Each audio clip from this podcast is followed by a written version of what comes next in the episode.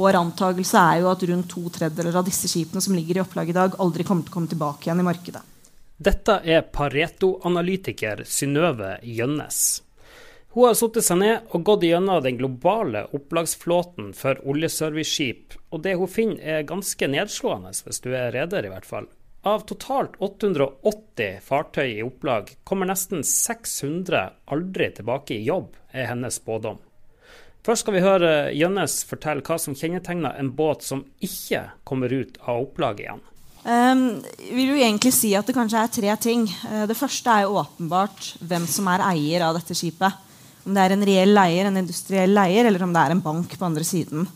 Um, og når vi snakker litt om eiersiden, så er jo én ting det man kan kalle litt distressed assets her i Nordsjøen eh, med redere som ikke har tilstrekkelig med midler. Men det er noe helt annet i det asiatiske markedet.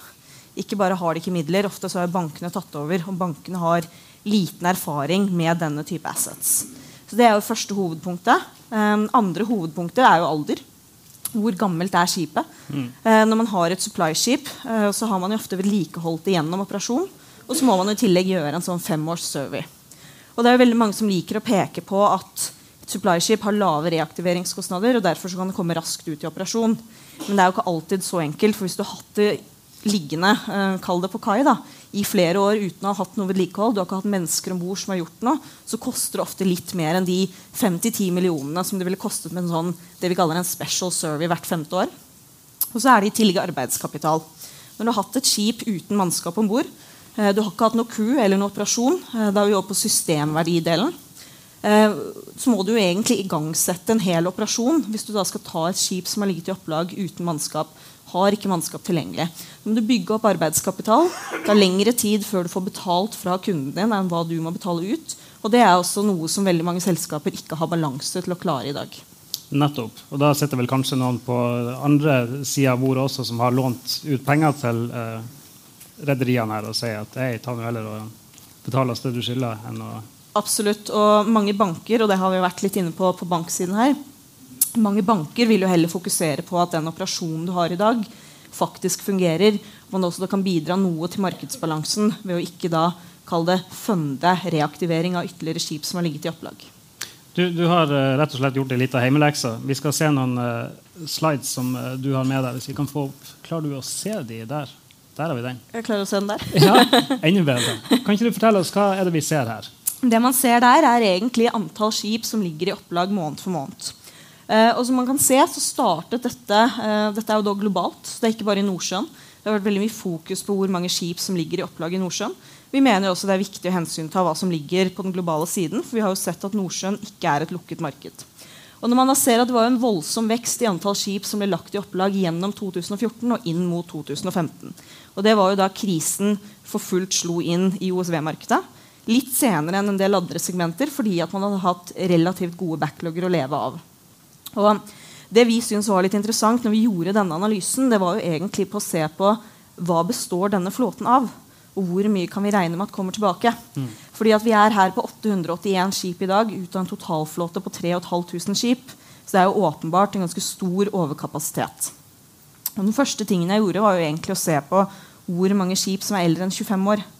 25 år er det du kan sette grensen for det, nytteverdien av et supply-skip før det blir gammelt. Um, historisk sett så har det egentlig ikke hatt så veldig stor rolle, fordi at man har kunnet tjene veldig, veldig gode penger på skip som har vært 30 til og med 35 år gamle, fordi at det har vært mer etterspørsel enn det har vært tilbud.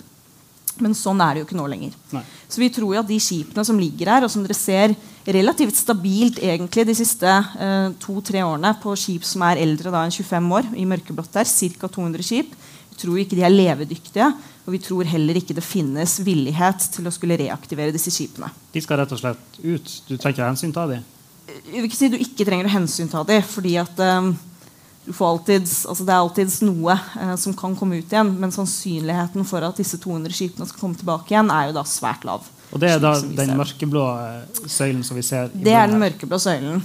Hva er den lyseblå? Den lyseblå er skip som er eldre enn ti år. Og det vi egentlig gjorde, var å gå gjennom skip for skip uh, av disse skipene som er eldre enn ti år. Når ble de sist klasset? Det kan du da se på f.eks. Norske Veritas. hvis de er klasset der. Um, hvem er det som eier disse skipene? Uh, og, og, da klassifiserer vi ikke nødvendigvis en reder som er um, på vei inn i en restrukturering, nødvendigvis som en reder som ikke klarer å reaktivere skipet. Um, hadde det vært Havila, Volstad, Solstad Farstad, um, så vil vi ikke kalle det egentlig en eier som ikke har en balanse til å ta det ut igjen. Vi snakker om asiatiske eiere hvor det reelt sett ikke er en organisasjon igjen. Uh, hvor banken har tatt full pant. Banken prøver å selge det. Har sittet med dette ikke bare ett år, kanskje to år, og fortsatt ikke har fått noen som helst form for interesse for skipene. Og Da tror man jo heller ikke at det kommer til å være en villighet fra bankens side til å reaktivere disse typer skipene. Der er det fort flåtestørrelse på 30-40 skip. Men så har du den grå her. Det er unge skip. Grå er unge skip, og store problemet i dette markedet har jo vært at det har blitt bygget i hjel. Eh, det har blitt bygget ikke bare i Norge, eh, men også veldig, veldig mye i Kina eh, og i Asia. Hvor man har kunnet bygge til attraktiv finansiering, som man da har fått av bankene. Kunne bygge med 80, til og med så høyt som 85% gjeld. Hatt noe obligasjonsgjeld på toppen og minimalt med egenkapital. Det har jo da medført at det har altfor mye overkapasitet av nye assets, og mye av dette har også da gått i bøya. Når man ser på de nye assetsene, så må man egentlig bare legge til grunn at det aller meste av nye assets kommer til å komme tilbake. igjen. Og grunnen til det er at det faktisk i dag koster mindre å kjøpe en to år, et to år gammelt supply-skip som ligger i opplag, heller enn å ferdigstille et som er under bygging. Kommer litt tilbake til ordreboken ja. etterpå. Men av selv disse grå her, da, så har du fortsatt eiere som har gått konkurs. Og det er ikke nødvendigvis alt industrielle eiere. Ofte så er det også verft som bygget disse skipene. Tok de ut i operasjon, forsøkte å selge dem til en høyere pris enn de ble bygget for. Og det klarer man ikke i dag. Typisk da kinesiske verft som nå har mistet de subsidiene de hadde. Så her har vi altså da i overkant av unnskyld, 880 skip som ligger bøya i dag. Og hvis jeg forstår det rett, så er det litt sånn uh, minkende sannsynlighet for at de kommer tilbake. De mørkeblå er nesten helt sikkert at de ikke kommer tilbake. Hipp som happ med de lyseblå. De grå de kommer. Litt forenklet kan man si det sånn. Vi gikk gjennom egentlig skip for skip. Uh, og så tok vi de tre kriteriene som jeg har nevnt. Uh, sett litt på hva tror vi reelt sett kommer til å komme ut igjen. Og vår antakelse er jo at rundt to tredjedeler av disse skipene som ligger i opplag i dag, aldri kommer til å komme tilbake igjen i markedet. Uh, og som sagt, Da har vi gått gjennom skip for skip. To tredjedeler? To tredjedeler. Det er en hel del. Det er mye tapt kapital, i hvert fall. Hva, hva skjer med, med, de båtene? Skal de skrapes? Skal de selges til å bli avlusingsbåter? Eller? Skrapverdien er jo minimal. Ja, eh, men så skal man huske på at selv om en del av disse skipene teknisk sett ligger i opplag, eh, så vet jo vårt Singapore-kontor, som har salgsmandat på en del av disse flåtene, hvor vanskelig det faktisk er både å få solgt, men også å få skrapet de. Så selv om de i teknisk sett er supply-skip, i den forstand at de fortsatt fungerer som det, så har de ingen reelle eiere, ingen kjøpsinteresse. Og da kan man jo egentlig si at de er gått ut av markedet. Hm. Uh, dette er globalt. Hvordan ser det ut for Nordsjøen?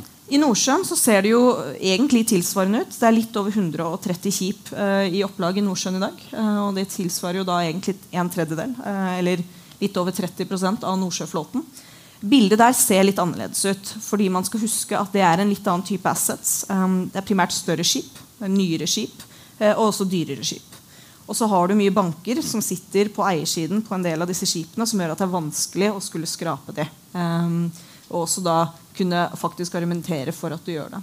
Så vil jeg også si at det er jo nok kapital i verden til at om markedet skulle bli bra igjen, så er det nok villighet til å ta ut Nordsjøflåten. Så vi tror jo ikke det er reelt å si at du kommer til å ta ut en vesentlig del av de skipene som ligger i opplag i Nordsjøen i dag. Det er vel heller motsatt, at det aller meste kommer til å komme ut igjen. Ok, Så på global basis så kommer to av tre ikke til å komme ut, mm. mens egentlig alt som ligger i opplag som opererer i Nordsjøen, alle som ligger i opplag av norskkontrollerte rederier, kommer til å komme tilbake? Det er i hvert fall en reell, veldig høy sannsynlighet for at det kommer til å skje. Vi får uh, se. Vi, vi skal, uh, hvis vi kan få neste slide, så skal du få lov til å forklare hva vi uh, ser her. Du er inne på det i stad, men vi har en betydelig ordrebok. Mm. Skip som er under bygging, som skal leveres. Hvis man ser på flåten som er på vann i dag, så har man en ordrebok som utgjør ca. 10% av det på toppen. Og det er jo den lysegrå søylen på toppen der. Og det som er litt interessant er at Når man ser på hvor mye av dette som er reelt, altså reelle ordre som kommer til å komme ut, så tror vi egentlig at en stor del av den ordreboken som på papiret er der, ikke kommer til å komme tilbake igjen. ca. 300 skip som ligger i ordreboken i dag. Um, jeg tror man med reell sikkerhet kan si at 100 av de ikke eksisterer. De ligger på papiret i Kina, men de er da enten bestilt av eiere som ikke er der i dag, altså selskapet eksisterer ikke lenger, eller verft som har gått konkurs. Så det vil si at Selv om de fortsatt ligger i de databasene vi bruker, de, når du søker opp på, på skipsverft og ser på ordreboken, så står de der som skip på vannet. Men det er jo reelle hold som aldri har blitt bygget. En del av disse har jo vært under bygging i mer enn fem år. Eh, og for de av dere som er herfra, så vet dere at det tar Ulstein og Kleven 12-18 måneder å bygge en PC. Så når du da er på fem år, så er det holdet det er egentlig ganske rustent. Ehm, det aller meste av kapasitet som vi tror kommer til å komme ut igjen uh, av ordreboken, det er jo nå tatt ut. Det er uh, ca. 20 skip uh, av norske verft eller norske interesser som det ikke er tatt levering på. Også høy sannsynlighet for at dette kommer til å komme. Um, også et par lokale skip her i regionen, som noen av dere sikkert har sett. Men vi tror at mye av det som bygges i Asia, det kommer ikke reelt sett til å bli tatt levering på. Så vi skal huske at Kinesiske verft særlig har gitt veldig veldig gode terms. Uh, du kunne betale så lavt som 1-5% når du bestilte skipet. Resten på levering. Det er jo i realiteten en opsjon. Og når markedet da blir dårlig, så er det en opsjon som det er veldig enkelt å bare la være. Ta rett og slett ikke levering på det som er resten. Og det kommer mange til å, til å gjøre, mener du? I hvert fall slik som det ser ut, ser du på hvor mye som leveres per kvartal i prosent av hva som faktisk er planlagt på levering, så er du nå nede på eh, kall det 10% i året. Hm. Men eh, konsekvensen av den utviklinga du skisserer, både på hvor mye av opplagsflåten som skal deaktiveres, og hvor mye som skal eh, leveres av det som er i bestilling, så begge de her går jo på tilbudssida. Og da ser jo egentlig tilbudssida litt annerledes ut enn det vi tror i dag. da. Vi tror i hvert fall det, eh, selv om ikke du kommer til å se det over natten. Eh, og som dere ser, Det er jo ikke tids- eller datofestet på den søylen på høyresiden når vi tror dette er. Eh, men vi tror jo at det som er lyseblått og mørkeblått, det er jo da etterspørsel etter uh, supply-ship, både PSV-er og ankerhåndterere.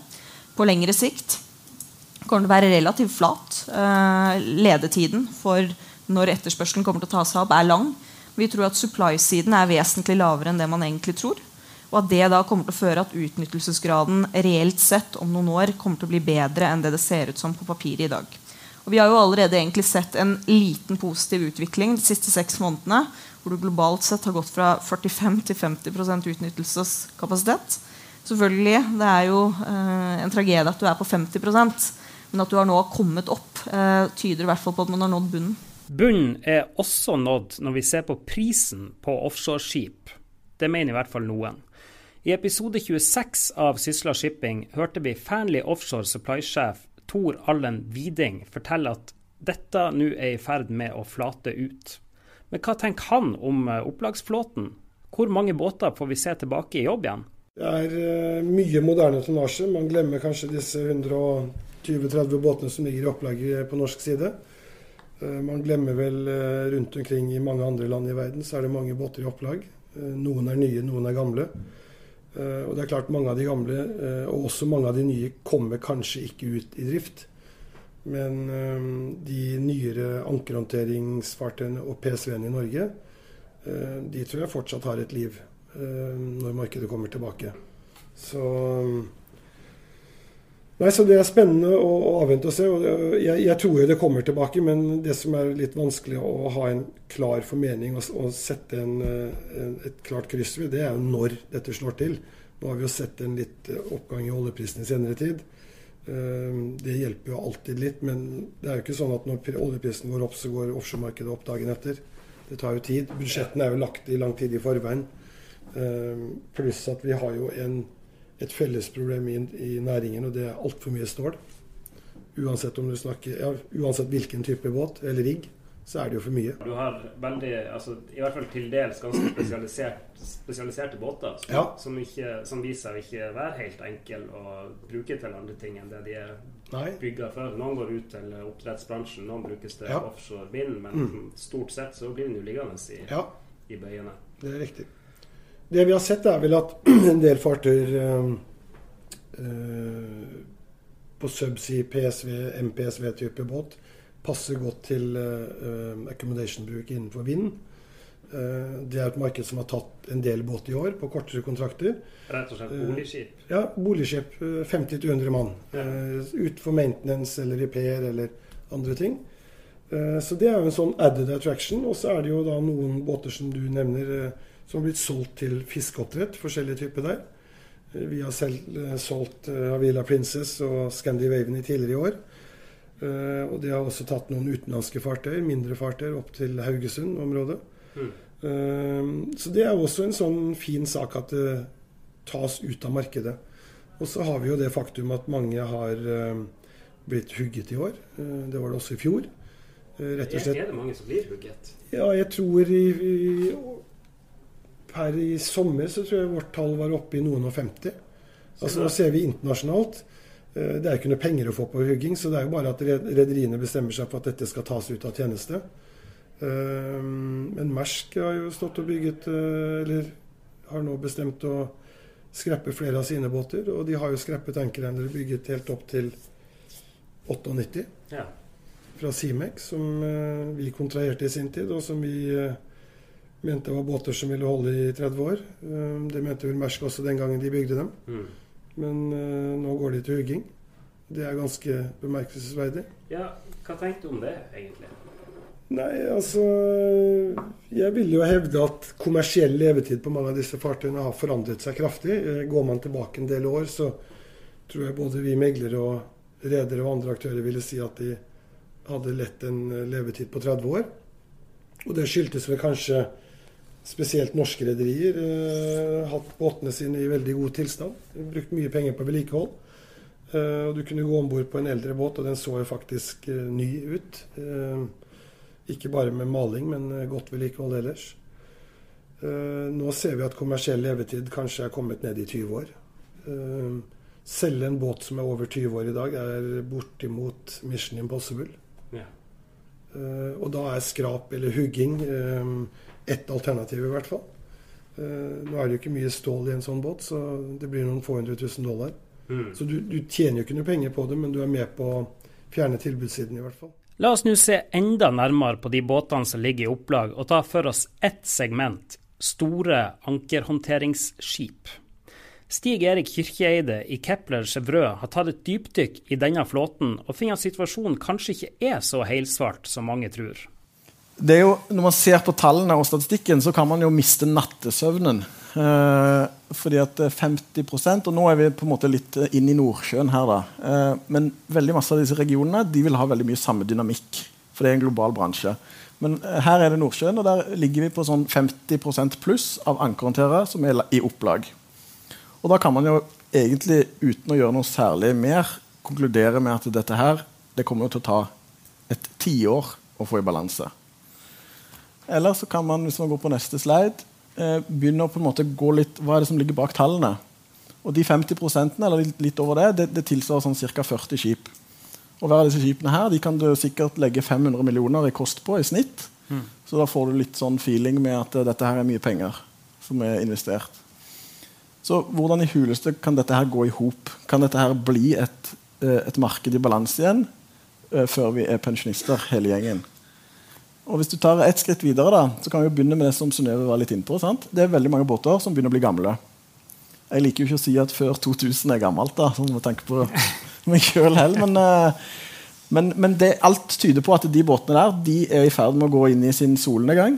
Uh, hvis man ser på Mersk, som er for den verdens største aktør innenfor dette segmentet, her, uh, i alle fall inntil Solstad og Farstad har slått sammen klutene, uh, så, så, skraper de nå konsekvent de båtene som er bygd før 2000. Det tikker inn meldinger hos oss uh, annenhver uke om at nå er det en båt vei fra Danmark, nå kommer det en fra Brasil, og, og de går til Tyrkia. Og de forsvinner ut. Det går ikke alltid like bra, da. Så helst, med, med, og to sank, ja. men, men Mersk ja, det er sant. men, men Mersk er veldig heldige, fordi de har jo en, en litt annen balanse enn mange andre. Men, men, de båtene der de, du kan, de trenger du ikke bekymre deg for de neste par årene. Og, og det er ca. 12 båter.